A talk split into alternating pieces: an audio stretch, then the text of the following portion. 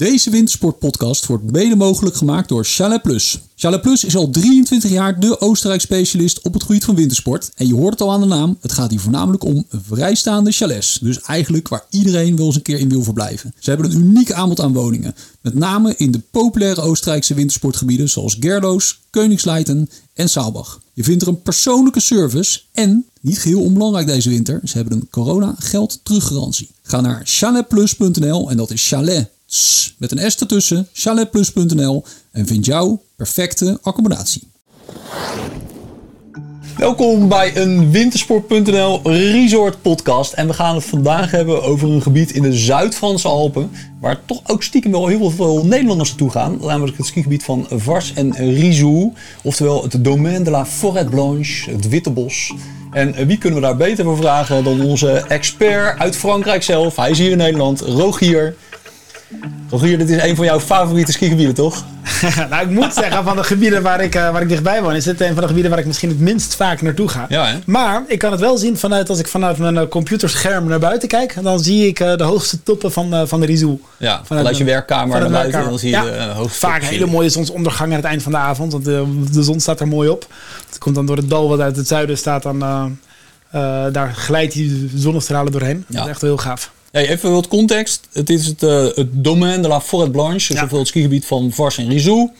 Uh, hoeveel kilometer piste heeft het ongeveer? Ik schat iets van 140 of zo. Ja, zoiets. Ietsjes meer zeggen ze volgens mij. Maar zoiets, uh, ja, zo ruim ja, goed over de 100. Ja, ja. precies.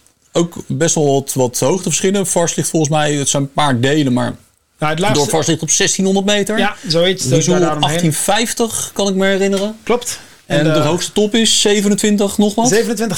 De, de Pic de Chabière. Ja. Dat Pic de Chabière is volgens mij ook het deel waar altijd de speedski-wedstrijden ook gehouden ah, dat klopt. Ja, dat klopt. Maar daar zouden we eigenlijk Marijn, onze collega, over moeten vragen. Want die is daar wel eens met meer dan 200 km per uur naar beneden gegaan. Ja. Ik heb daar wel eens een stage gedaan, want je kan daar stages doen. En uh, ik was blij dat ik het uh, over de 120 km per uur haalde. Dat vond ik wel genoeg. Dat uh, is meer dan, meer dan genoeg inderdaad.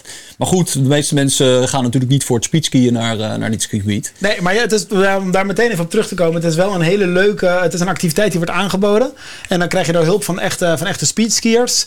En uh, ja, die laten je natuurlijk niet tot helemaal boven gaan. En dat wil je ook echt niet. Dat kan ik je verzekeren. Dat, uh, een normaal mens zou dat niet willen om daar recht naar beneden te gaan. Maar dan mag je wel ja, tot steeds hogere punten gaan. En dan geven ze je tips hoe je zo hard mogelijk naar beneden kan. En dat is wel heel verslavend. Ja. Dus als je er bent, is dat wel een aanrader om te doen. Ja, wel vast, je moet wel een beetje kunnen skiën. Hè? Dat is wel ja. handig. Ja, en normaal als je niet gaat skiën, ik denk dat je dan vanzelf wel een sneeuwploeg naar beneden gaat. De KL, de kilometer lancé. Ja. ja, precies.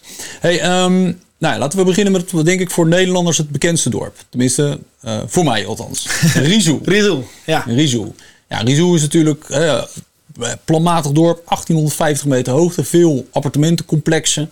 Uh, eigenlijk het klassieke ja, dorp wat ontworpen is voor de wintersport in mijn ogen. Ja. Het, zijn niet, uh, het zijn niet hele hoge uh, appartementencomplexen, maar heel mooi kun je het ook weer niet noemen. Nee, nou, het is vooral als je aankomt rijden, vind ik het heel matig. Ja. Dan uh, echt een vrij lelijke parkeerplaats. Want je rijdt als het ware een soort kom in van appartementencomplexen met een parkeerplaats waar dan bussen staan en zo. Maar als je helemaal in het dorp zelf bent, door die straatjes heen, dat is best wel iets, iets leuks gecreëerd. Het blijven appartementencomplexen, maar het is echt niet slecht of zo. Het is Ja. best, wel, best, best wel ja, een redelijke prima, een prima sfeer hangt er Ja, wel. precies. precies. Ja, want uh, je hebt vanuit de, de Volnage, zeg maar, Ja. al, vanuit alle, vrijwel alle complexen heb je natuurlijk, uh, ja, is het ski in, ski out. Ja. Je kan er voor een spotprijs kan je daar, uh, kan je daar verblijven. Er gaan ook veel studenten gaan er al Ja. naartoe. Um, en dan heb je rondom het, het dorpje heb je vrij relaxed pistes allemaal. Klopt, en uh, daar heb je echt heel veel eenvoudige pistes. Veel blauw, veel groen. Groen ook. ja. En uh, wel groene pistes waar je vaart op houdt. En dat is voor beginnende skiers, of die nog niet zoveel ervaring hebben, is het wel echt een prettige plek. Je kan er echt wel op een aangename manier leren skiën. Ja. Dat is wel, wel één ding wat zeker Ja, is. want aan de zijkant van het gebied heb je de Lom de Pierre, Ja. kan ik me herinneren. En daar heb je dan wat, wat relaxte blauwe en groene pistes vanaf.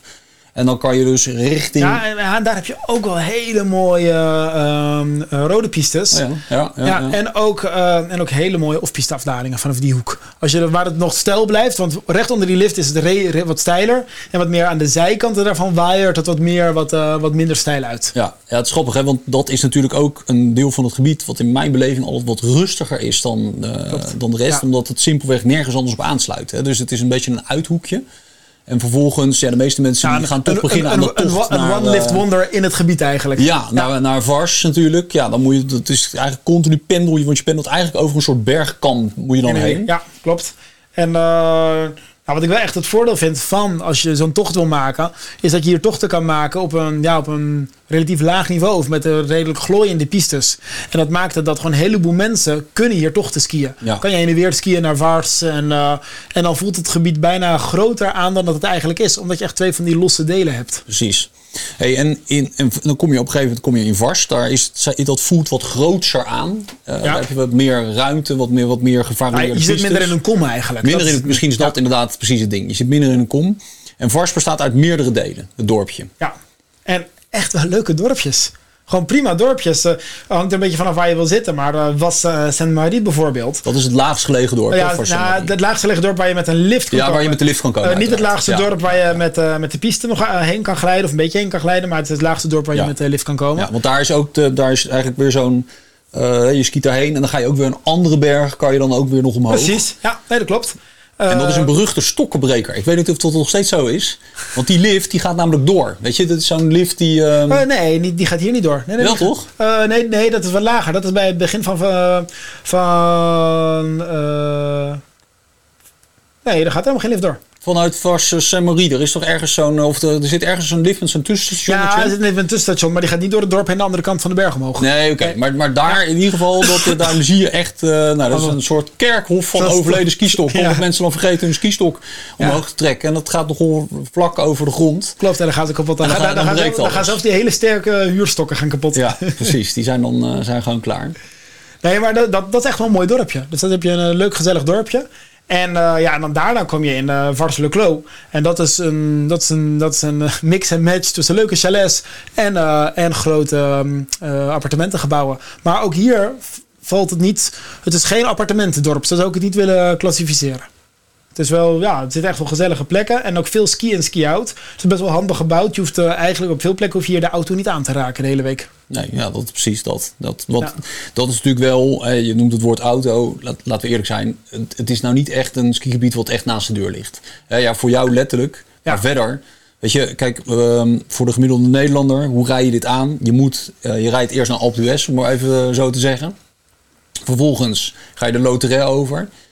Je rijdt Door, ja. Door Nou ja, het kan heel snel de moeite zijn om vanaf ehm, net naar Vizille, dus als je op weg bent naar Op de West, af te slaan naar Gap en via Gap om te rijden. Ja, maar moet je, moet je voorstellen wat je zegt. Een Gap, dat is ongeveer eh, de Middellandse Zee. Nou ja, dat, dat klopt. Je, scheelt het niet meer. Je zit in de Zuidalpen. Ja, dat is zeker waar. het, het is echt, het is serieus ver rijden. Ja, het ja, is het is echt ver. ver rijden. En je bent wel langs een heleboel hele gave skigebieden al gereden Ja. als je hierheen komt. Ja, precies. Dus dat vind ik altijd wel echt een. Kijk, en voor studenten die gaan veel naar Rizou. Weet je, er zijn goede buscombi's natuurlijk. eh, Ja.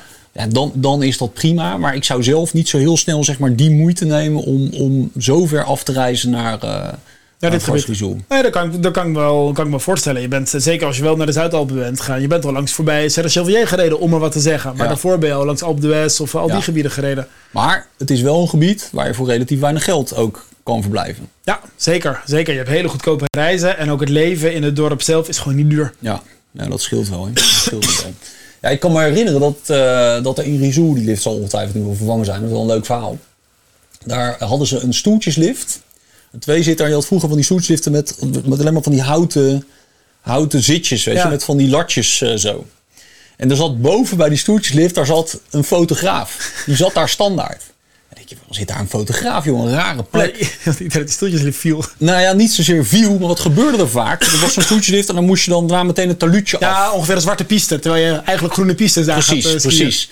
En maar omdat het van die latjes waren, die bleven vaak dan ergens eh, aan haken. Aan, aan eh, een riem of aan een, weet je, een hengsel van een tas of zo.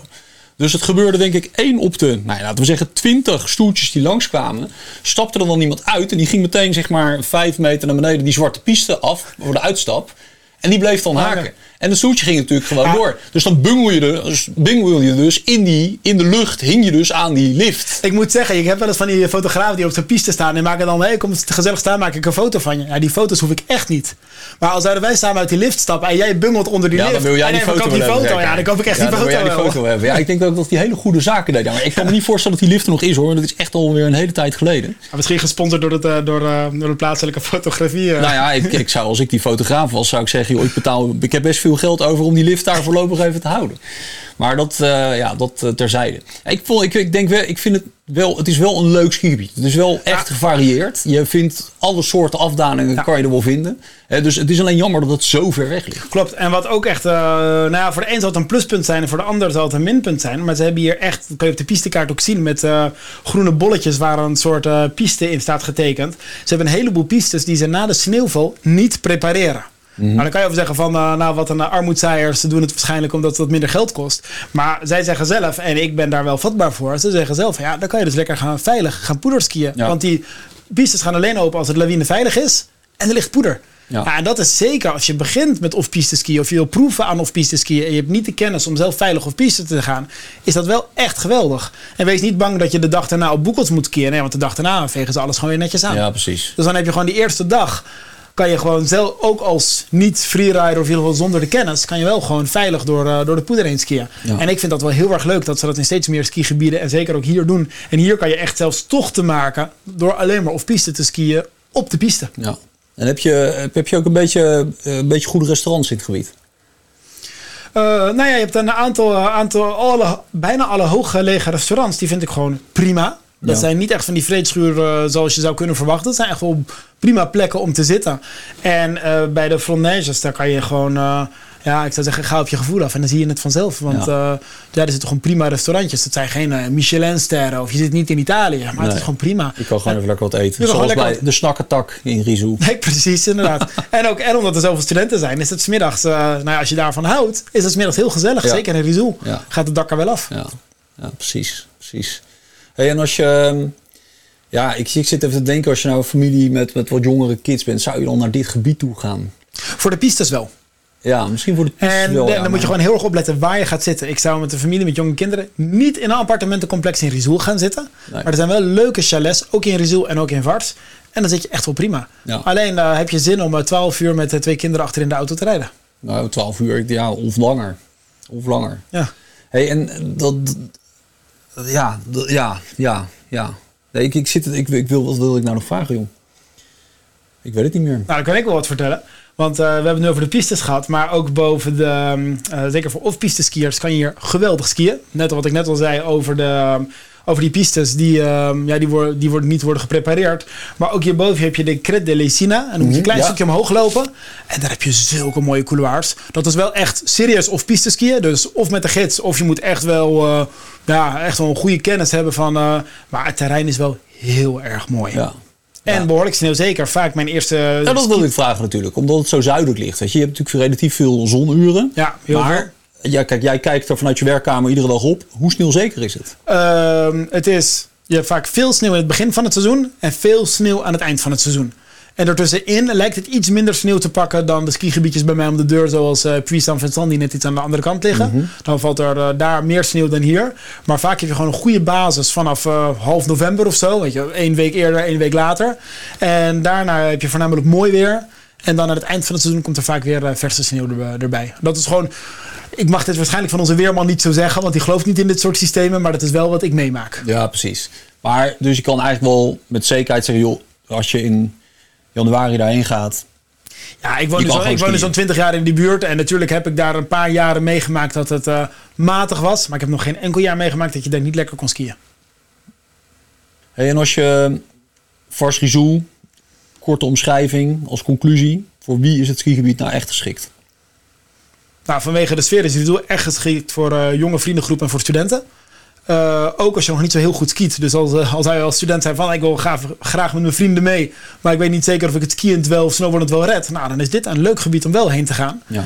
En ehm eh, ja, dus die prijs-kwaliteit verhouding die speelt echt wel mee. En als je gek bent op zon, dan is het ook echt wel een gaaf gebied. En dan dat ook als je niet in die studentensfeer wil zitten, ga je lekker naar Rizul zitten. Dan heb je mooie appartementen, niet al te duur en wel echt een leuk skigebied waar je ook veel in de zon bent.